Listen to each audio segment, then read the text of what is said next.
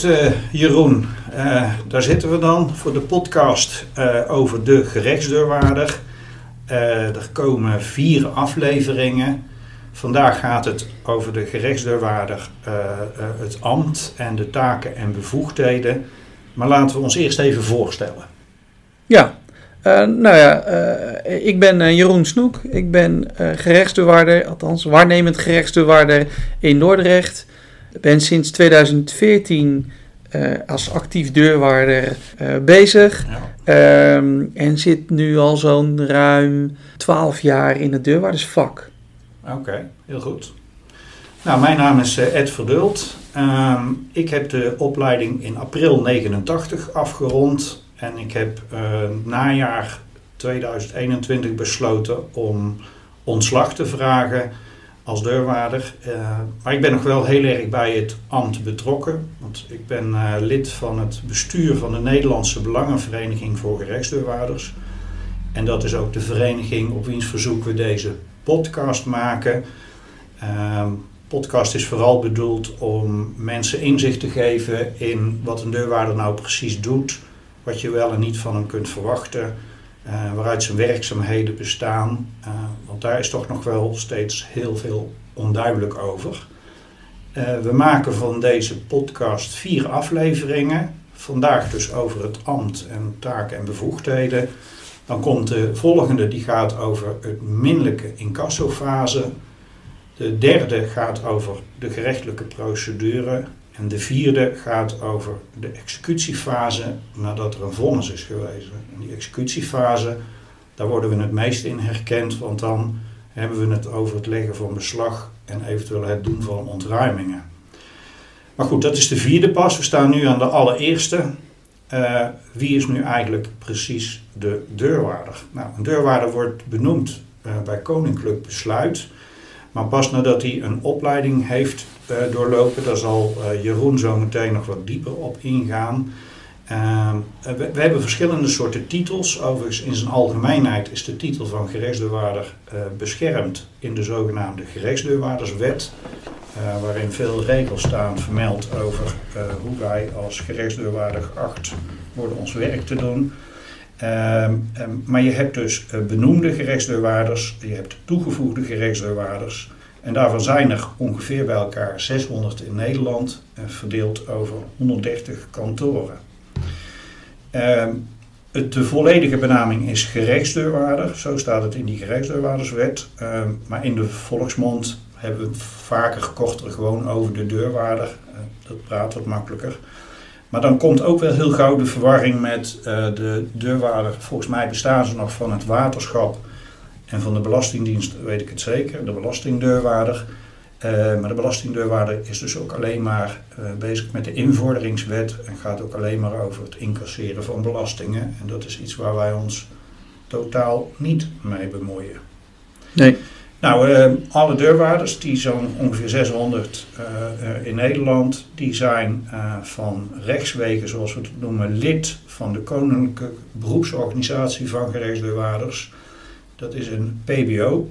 En de KBVG staat voor een goede ambtsuitoefening. Die moet er dus op toezien dat het ambt van gerechtsdeurwaarder in Nederland goed wordt uitgeoefend, dat er voldoende capaciteit is, een goede opleiding ze houden nog een beetje toezicht uh, en ze, maken ook, ze hebben ook een verordende bevoegdheid. Dat wil zeggen dat ze regels kunnen opstellen waaraan deurwaarders zich moeten houden. Recentelijk zijn heel veel regeltjes samengepakt in de nieuwe verordening gerechtsdeurwaarder. en ja, dat is een beetje de taak van de KBVG. En in een voorkomend geval kan ze zelfs ook een klacht indienen tegen een ambtsgenoot als hij het niet goed doet bij de tuchtrechter. Maar dat is de laatste jaren uh, wat zeldzamer geworden. Fijn, en dan de opleiding. Daar ben je toch een beetje weer meer in thuis, hè? want dat heb jij korter geleden door. dan, dan, dan dat, klopt, ja, dat klopt, ja. Ja, ja uh, goed wat je zegt. Uh, een deurwaarde ben je niet zomaar, daarvoor moet je worden opgeleid. Um, nou, er is um, één opleiding in Nederland die de deurwaardersopleiding eigenlijk wordt genoemd, hè, waarbij je dus in ieder geval kan afstuderen tot uh, die wordt gegeven aan de Hogeschool Utrecht. Ehm, dat is een HBO-rechten studie met een afstudeervariant voor gerechtsdeurwaarder. Dat is een studie van vier jaar, waarbij je in de eerste drie jaar allerlei verschillende facetten van het, van het recht doorloopt op ja, algemeen gebied, waarbij HBO-recht ook uh, uh, op inzoomt. Ehm, maar ook een, een, gedeelte specifiek bedoeld voor het vak als gerechtsdeurwaarder. Op het moment dat je die eerste drie jaar hebt voltooid, dan ga je je stagejaar in. En dat houdt eigenlijk in dat je beëdigd wordt en dat je dan eigenlijk al wel aan het werk gaat als gerechtsdeurwaarder. Ja. Um, dat stagejaar duurt een ja, zoals het woord zegt, al een jaar.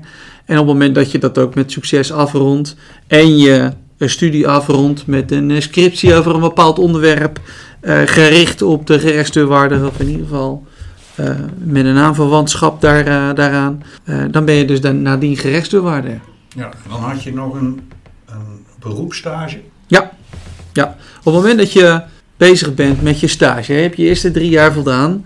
Uh, en je gaat je stagejaar in, dan ben je kandidaat gerechtsdeurwaarder. Uh, word je beëdigd, ben je bezig als kandidaat gerechtsdeurwaarder. Na het voltooien van je studie en het behalen dus van je papiertje, ben je nog steeds kandidaat gerechtsdeurwaarder. Uh, maar moet je, zoals dat ook in de verordening voor de rechtsdeurwaarder staat, nog een beroepsstage doorlopen. Het zijn verschillende facetten uh, uh, die je met succes moet doorlopen. Dat traject is, is vastgesteld ook in de, in de verordening, uh, waar de KBVG ook een onderdeel in heeft. En op het moment dat je dat dan ook je beroepsstage hebt voltooid, en dat duurt ook een jaar na het, behalen van je opleiding, ja, dan ben je dus op dat moment toegevoegd gerechtsdeurwaarder waarbij, de, waarbij toegevoegd wordt aan een zittend gerechtsdeurwaarder. Ja, dat klopt. Een ondernemer gerechtsdeurwaarder. Hè? Want daarin maken we het grote onderscheid. De deurwaarders zijn benoemd met een vestigingsplaats. Ja. En deurwaarders die niet zelf uh, een kantoor willen runnen, niet zelf ondernemer willen zijn, die kunnen zich laten toevoegen aan een ondernemer gerechtsdeurwaarder. Ja. En zo komt dat begrip toegevoegd eruit. Ja. Ja, ja, ja, ja, dus... En, en, ja, goed om te zeggen dat we uh, toch behoorlijk wel wat wetskennis hebben. Hè? Burgerlijk recht, faillissementsrecht, rechtsvordering, executie en beslagrecht niet te vergeten. Dat is het belangrijkste gedeelte. Ja. Maar ook een hele hoop wetten waar we niks mee te maken hebben. Zoals al gezegd, belastingwetgeving doen we niet veel aan. Strafrecht zijn we nauwelijks bij betrokken. Uh, bestuursrecht, zei je net al, hè, doen we uh, weinig aan. Uh, personen- en familierecht uh, ook niet al te veel. Zei dat we rond echtscheidingen uh, nog wel eens een keer moeten opdraven. Hè, als het gaat om het betekenen van een echtscheidingsverzoekschrift. Komen misschien dadelijk nog wel even over te spreken. maar in ieder geval een, een, behoorlijke dosis kennis. En dat heeft ons er ook wel toegebracht dat we nou, zelfstandig procederen. en dat is dan meestal bij de kantonrechter. Maar eerst de hoofdtaken. Wat zijn nou eigenlijk de hoofdtaken van de gerechtsdeurwaarder? Ja, een goede vraag. Uh, ik kan natuurlijk heel makkelijk verwijzen naar de gerechtsdeurwaarderswet. Hè. Wat, uh, wat, uh, wat doen we nu? Ja, uh, de, de gerechtsdeurwaarder die zorgt voor een bepaalde rechtszekerheid. als ik het bijvoorbeeld heb over procedures die gestart worden, dan hebben wij als gerechtsdeurwaarders de taak om ervoor te zorgen dat uh, degene die in rechten wordt betrokken ook daadwerkelijk kennis draagt van uh, dat hij in rechten wordt betrokken. En uh, daarbij ook uit te dragen van ja, wat zijn dan je mogelijkheden? Ja. Dus een stukje voorlichting. Een stukje, een stukje, een stukje voorlichting.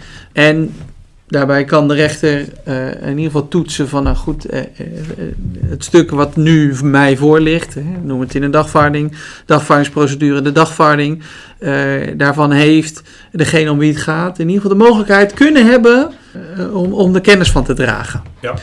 Um, ja, en niet te vergeten, je hebt natuurlijk ook wel eens hoger beroep. De, dan moet de appeldagvaarding worden uitgereikt. En dan is het natuurlijk wel zaak dat de andere partij weet dat de zaak in hoger beroep aanhangig gemaakt wordt. Ja. En uh, nou, daarvoor heeft dan de wetgever besloten dat gaan we niet per post doen. Want als dat kwijtraakt, uh, uh, nou, dan, dan loopt het vast. En daarvoor hebben we dan een club aangesteld. De club van deurwaarders. En die moeten maar bevestigen en zorgen dat het stuk degene bereikt voor wie het bestemd is. Ja, maar daarnaast hebben we natuurlijk ook nog, eh, als we kijken in een, in een verder traject, uh, ervoor zorgen dat uitspraken die door de Nederlandse rechter worden gedaan, dat die ook ten uitvoer gelegd kunnen worden. Hè? Dat, wat je al net al even, even noemde, middels beslaglegging of iets. Maar ja, het is de taak van de gerechtsdeurwaarder dat op het moment dat een rechter een uitspraak doet, er ook voor te zorgen uh, dat die uitspraak wordt nageleefd. Ja. Uh, zij het met enige dwang. En dat is natuurlijk wel de, de, de, uh, een exclusieve taak die bij een gerechtsdeurwaarder is neergelegd. En dat kan geen andere. Als je het dan hebt over het civiele recht. Hè? Ik ja. bedoel, je zei net al van ja, we houden ons niet bezig met strafrecht. Daar waar ik het nu heb over die exclusieve bevoegdheid, dan heb ik het ook over het civiele recht. Ja. En dat allemaal ter voorkoming van eigen richtingen. Als, als er geen deurwaarders zouden zijn, dan zouden mensen zelf hun recht moeten gaan afdwingen. Uh, en dan wordt het het recht van de sterkste. Nou, eigen richting staan we uh, uh, in Nederland in een beetje beschaafd land niet toe. En daar hebben we dus gerechtsdeurwaarders voor. En het is precies wat je zegt, het gebeurt ook met dwang. We kunnen ook ergens binnentreden tegen de wil van de bewoner in woningen. terwijl het huisrecht toch flink is beschermd in Nederland. Zelfs als deurwaarder kun je dan onder strikte voorwaarden toch ook binnentreden tegen de wil van de bewoner. Nou, naast die hoofdtaken die je nu noemt, hebben we natuurlijk ook wat neventaken. We doen incasso-werk. En zoals zojuist al gezegd, we treden ook wel op als procesgemachtigde. Uh, dat is dan vaak bij uh, de kantonrechter, omdat we uh, een, nou, een behoorlijke juridische achtergrond hebben. Ja. En dat procederen bij de kantonrechter. Al vaak gedaan? Ja, geregeld. Uh, nou ja, uh, bij de kantonrechter geldt dat er geen verplichte procesvertegenwoordiging bestaat. even in de basis terug. dat, dat houdt eigenlijk in dat op het moment dat jij als partij wordt betrokken of een procedure wil starten bij de kantonrechter, dan mag je dat zelf doen. Ja, geen advocaat nodig. Nee, geen, geen advocaat nodig. Uh, uiteraard is het uh, wel verstandig om je te laten bijstaan door iemand die juridisch geschoold is. Nou, zoals we net al zeiden, van, als deurwaarder ben je juridisch geschoold. Hè? Je, je, je, je, volgt een juridische opleiding. We hebben gedegen kennis van het burgerlijk recht, faillissementsrecht, uh, ja. rechtsvordering. We weten de, de, de processtappen. En bij de kantonrechter is de, de, de vordering eigenlijk een beetje gelimiteerd tot 25.000 euro. Als je het hebt over uh, geen aardzaken. Ja. met een aardzaak bedoel ik dan zaken die exclusief bij de kantonrechter thuis horen. Uh, ongeacht de hoogte van de vordering. Hè. Noem het een huurzaak, een arbeidskwestie. Ja. Uh, die ook bij de kantonrechter plaatsvinden. dus wat ik zeg, bij de kantonrechter is er geen verplichte procesvertegenwoordiging. en mag iedereen dus optreden. En ja, wij als deurwaarders treden dus vaker op voor, voor partijen als procesgemachtigden. Uh, dat kan uh, zijn bij uh, vorderingen die we eerder al in een minderlijk traject, hè, waar we in een latere podcast nog over zullen spreken, al bij betrokken zijn. en de stap naar de rechter maken om ja, de zaak dan maar voor te leggen aan de rechter. Om Ja. daar een uitspraak in, in, in te krijgen. Ja, dan komt het er dus op neer dat we zelf de dagvaarding opstellen, eh, en, maar die vervolgens ook zelf uitreiken, eh, betekenen, eh, zoals we dat zojuist hebben genoemd als hoofdtaak. Oh, is misschien ook nog wel goed om even te vermelden dat je eh, alles kunt laten betekenen, Ehm, eh, zoals ook brieven. Dus Ja. als er eh, be- belangrijke brieven, documenten zijn uit te wisselen, en je vindt het belangrijk dat het ook goed aankomt, goed terechtkomt, op de juiste manier. En dat je daar ook bewijs van krijgt, namelijk het exploot van de deurwaarder die de uitreiking gedaan heeft. Dan kan dat altijd door tussenkomst van een deurwaarder. Dan, dat kost natuurlijk wel een beetje meer dan een postzegel, eh, maar dan heb je ook wat. Ehm, ehm, en zo wordt er, eh, denk ik, eh, regelmatig worden er ook wel bijzondere zaken betekend. Ja, ja even daarop op inhakend. Je, je, je krijgt natuurlijk van de, document, van, de, van de deurwaarder een document terug waarin nadrukkelijk staat wat hij heeft gedaan. Ja. Hè, dus de, de, daar waar je terecht zegt, het, het kost wat meer al, eh, dan een postzegel, eh, maar je krijgt ook wel iets meer. Ja. Eh, het, het, uitreiken van, het, het betekenen van een, van een brief, ja, dat is tegenwoordig een ambtshandeling. een ambtshandeling, ambtshandeling van de gerechtsdeurwaarder. Dus hè, wij verifiëren het adres. Gaan naar dat betreffende adres toe. Uh, reiken dat stuk uit zoals dat in de wet staat. Hè, uh, bij voorkeur persoonlijk, maar we mogen hem dus ook achterlaten. En stellen daar vervolgens een document van op. Waarin precies staat uh, namens wie ik kom, wat ik uitreik ja. en hoe dat is gegaan. Ja. Dus dat is wat je dan terugkrijgt. Ja, en dat heeft ook een zekere bewijskracht. Ja. Dat stuk. Dus vandaar dat, dat de tussenkomst van deurwaarder ook voor dat soort zaken nou, plaatsvindt. Ben je eenmaal de deurwaarder, waar, waaruit bestaat dan een gemiddelde dag? Nou, dat is vaak wat wij noemen uh, routes, routes rijden. Oftewel mensen bezoeken waarbij je exploten betekent, oftewel uitreikt. En wat reik ik dan uit? Dat kunnen zijn dagvaardingen om een procedure te starten. maar ook vonnissen die, waarin iemand tot betaling is veroordeeld. Of als ik een beslag heb gelegd ten laste van iemand, dan schrijft de wet voor dat ik hem van dat beslag in kennis stel door dat beslag, uh, dat procesverbaal, aan hem ook uit te reiken. Uh, nou, wij formeren uh, zo een route. Die, die wordt natuurlijk een beetje geografisch handig in elkaar gelegd, zodat je niet van hot naar her rijdt. En wij noemen dat dan exploten rijden. En die exploten komen voort uit je eigen praktijk, uit de zaken die je zelf behandelt op verzoek van schuldeisers. Maar we hebben ook zogenaamde losse opdrachten. En dat wil zeggen dat uh, rechtsbijstandsverzekeraars, maar ook vooral advocatuur, incassobureaus ons ook uh, uh, dagvaardingen sturen, omdat wij nou eenmaal die exclusieve bevoegdheid hebben. En diezelfde stukken mengen we dan in dezelfde route om al dus een, een beetje rendabele route te rijden. En dan nou, bezoek je adressen en worden stukken uitgereikt. Ja, nou hoor ik je uh, uh, twee, twee begrippen noemen die misschien nog wat, wat, wat uitleg nodig hebben. Hè, die voor jou en voor mij eigenlijk gesneden koek zijn. Maar het woord exploten, ik hoor je procesverbaal noemen. misschien goed om, om, om daar even op in te zetten van nou goed, wat, wat is nou eigenlijk een exploot? Wat is nou eigenlijk een procesverbaal? Um, ja, in feite datgene wat je zojuist al goed hebt uitgelegd. Hè, het, het, het relaas, het verslag van wat de deurwaarder uh, uh, uh, precies heeft gedaan. Hè. Dus er staat gewoon, in, nou vandaag heb ik het verduld, op verzoek van die en die ben ik daar en daar naartoe gereden. En heb aan deze meneer of mevrouw met die geboortedatum op dat adres deze dagvaarding achtergelaten. Uh, dus het is een relaas uh, van de, de, activiteit die we hebben gedaan. Het stuk wordt gedateerd, het stuk wordt ondertekend uh, en vindt daarna zijn weg eh, verder in, in de behandeling. Ja. ja, en het exploot is eigenlijk, ehm, zoals ik dat zie, een document vooraf opgemaakt. Ja. Hè, eh, en daarmee gaan we dus op pad. En het procesverbaal, zoals je dat ook noemde, is eigenlijk het document nadien opgemaakt om daarmee te beschrijven van oké, dat is wat ik op dat moment heb gedaan. Ja, zoals, eh, zoals een beslag of een ontruiming. Juist. Een, een, schriftelijk verslag van hoe is de ontruiming gegaan en hoe, is een, hoe heeft een beslaglegging plaatsgevonden. Ja. Ja, inderdaad. Twee, uh, twee uh, begrippen uh, die wel uit elkaar gehouden moeten worden. Ja, ja noemde ik je, hoorde ik je ook even zeggen van nou beslag. Hè, dat is ook wel een van de eh, de taken die, eh, die een deurwaarder heeft. Eh, en dan heb je een conservatorbeslag en een executoriaal beslag die wij leggen. En ja, daar zit een nuance in. Hè. Ja, het, het conservatoren hè, of, of ook wel bewarend beslag zijn beslagen die gelegd worden voorafgaand aan een procedure.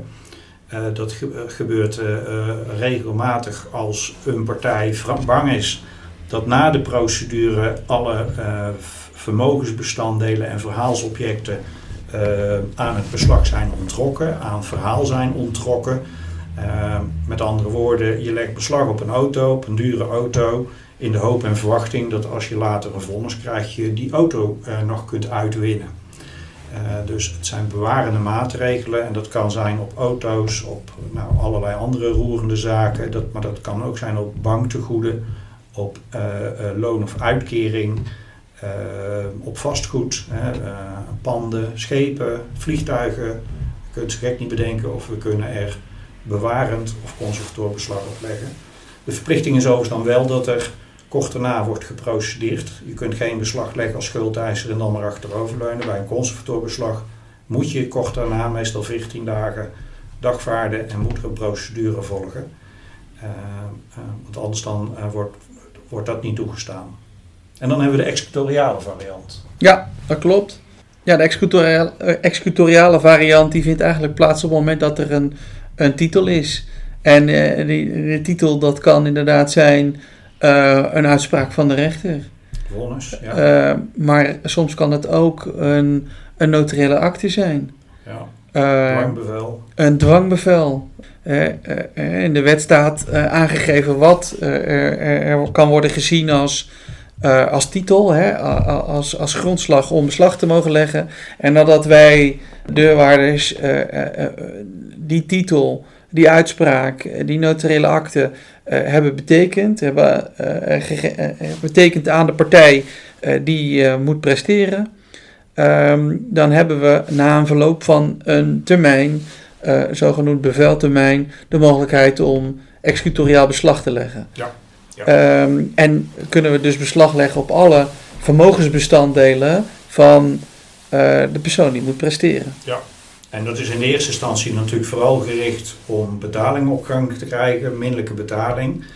Uh, maar gebeurt dat uiteindelijk niet, dan kan een executoriaal beslag ook leiden tot een openbare verkoop om uit de opbrengst de schuldeiser eh, te betalen. Ja, dan uh, hoe presenteren wij ons als uh, deurwaarder? Hè? Dus ik leg zojuist uit, we, we zijn op route, we leggen beslagen, we reiken exploten uit.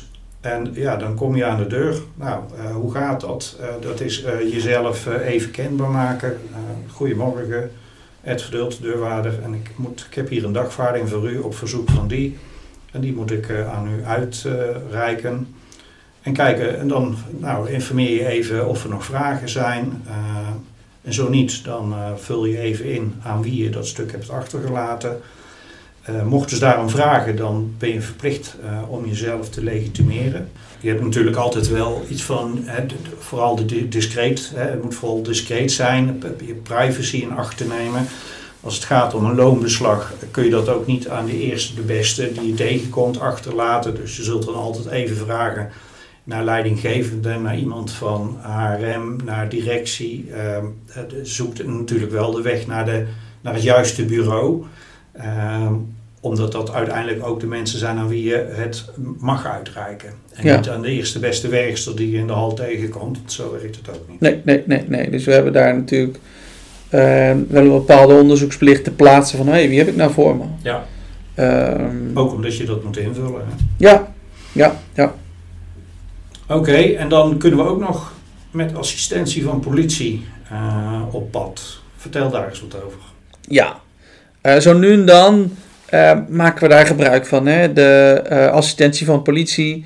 En uh, dat is dan met name een HOVJ, een hulpofficier van justitie. Gebeurt dat altijd?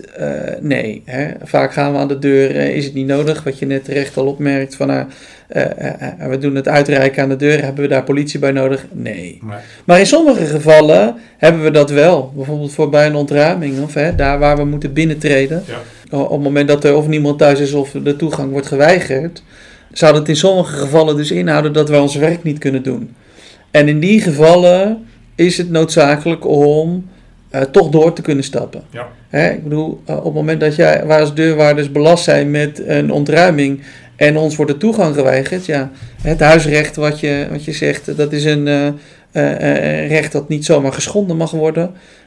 ook wij mogen dat niet zonder meer. Maar juist bij een ontruiming moeten we wel binnentreden. En op het moment dat dat niet kan, hè, het wordt geweigerd, dan hebben we inderdaad een uh, politieagent in, de, in het kader van een, een hulpofficier van justitie bij ons, die bij weigering of bij afwezigheid van toestemming uh, ons alsnog de toestemming kan geven om binnen te treden, zodat wij alsnog ons werk als gerechtsdeurwaarders kunnen ja. uitvoeren. Ja, ik denk niet dat hij zozeer ons toestemming geeft, als wel hij vertegenwoordigt de niet aanwezige schuldenaar. Ja, bij het niet thuis zijn inderdaad. Ja, dus niet thuis zijn. Of, of hè, stel dat er alleen een minderjarige dochter rondloopt.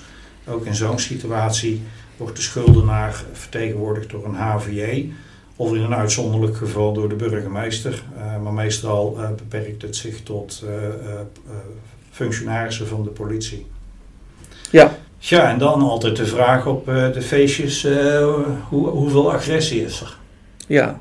Hoe vaak, hoe vaak heb jij al klappen gehad? Nul keer. en dat wil ik graag zo houden.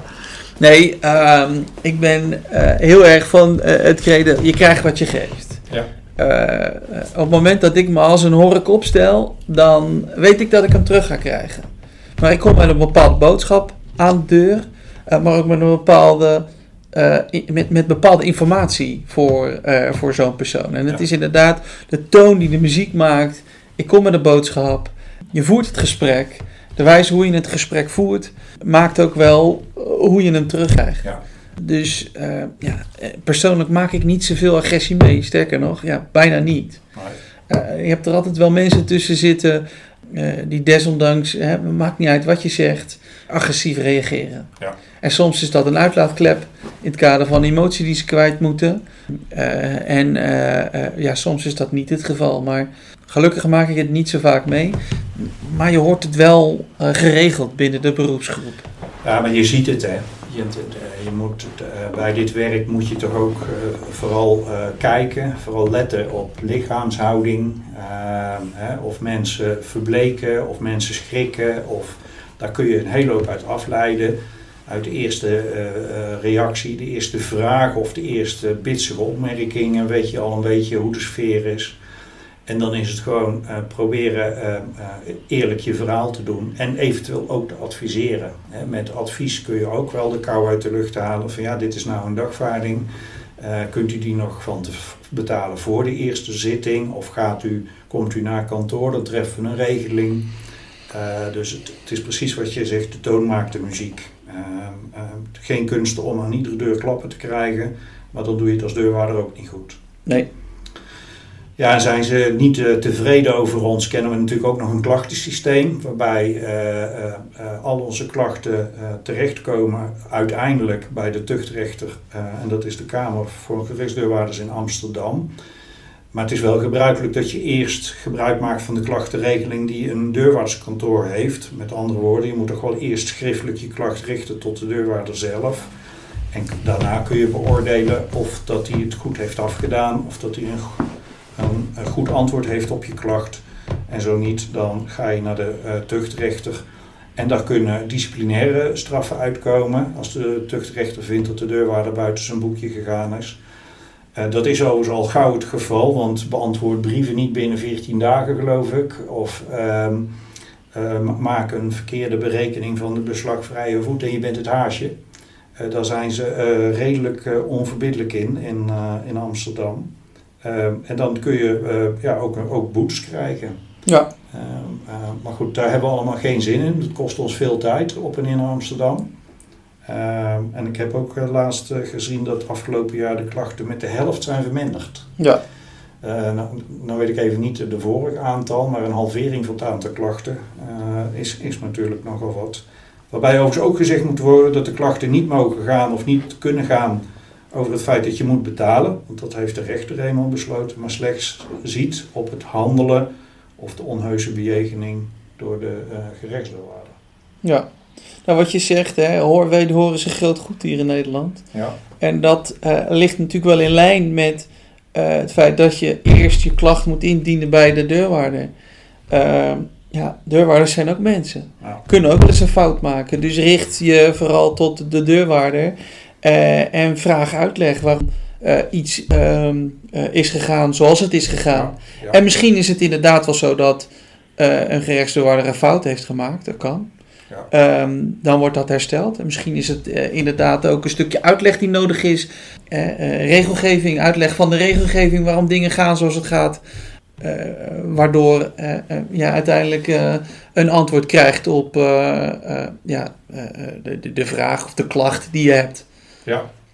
Nou ja, waarbij natuurlijk vaak uit het oog wordt verloren dat we altijd optreden voor een schuldeiser.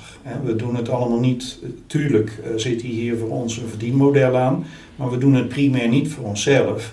Er is altijd een schuldeiser die ook op zijn centen zit te wachten, die ons daar meerdere keren per maand, per week, per dag over belt wanneer komen die centen er. En ook gewoon van ons optreden verwacht. En niet zoete broodjes bakken en niet vriendelijk zijn, maar gewoon doortastend handelen en zorgen dat de schuldenaar betaalt. Ja, we hebben een ministerieplicht hè? Ministerieplicht, hè. We mogen zelfs dat soort opdrachten niet weigeren, dat staat in de wet. Maar binnen dat, soort, dat spanningsveld, hè, aan de ene kant de schuldenaar respectvol tegemoet treden, maar wel indringend en niet vrijblijvend, versus de opdrachtgever bij wie het altijd te langzaam gaat. Ja. Oké, nou dit was denk ik een kijkje in het ambt van gerechtsdeurwaarder. Zijn we nog iets vergeten? Ja, uh, ja, misschien nog wel een van de neventaken wil ik nog wel noemen. Die is niet, niet genoemd en dat zou je misschien niet zo snel verwachten. Voor constatering. Precies, Ed. precies, Ed. We doen ook constateringen en daar maken we een procesverbaal van op. En dat kan voor de meest uiteenlopende uh, zaken het geval zijn. Uh, ik heb recent een, een, een opdracht gekregen om aanwezig te zijn bij de overdracht van een schilderij en daar een constatering voor op te maken tussen twee partijen, twee natuurlijke personen, waarbij de ene persoon aan de andere persoon een schilderij overhandigt, verkoopt, overhandigt. En die wil dat daar iemand bij is die uh, dat proces nauwlettend beschrijft. Dus dat, eh, ja, dat hoort ook, uh, uh, kan ook neergelegd worden bij de gerechtsdeurwaarder. Ja, maar wat beoordeel je dan wel en wat beoordeel je dan niet? Ja, goede vraag. de, de akte van constatering, daar heb je zelf geen oordeel in. Uh, je schrijft op dat wat je ziet, dat wat je ruikt, dat wat je. Nou ja. Een waarneming van waarneming. waarneming van feitelijk. Feitelijk, precies, precies.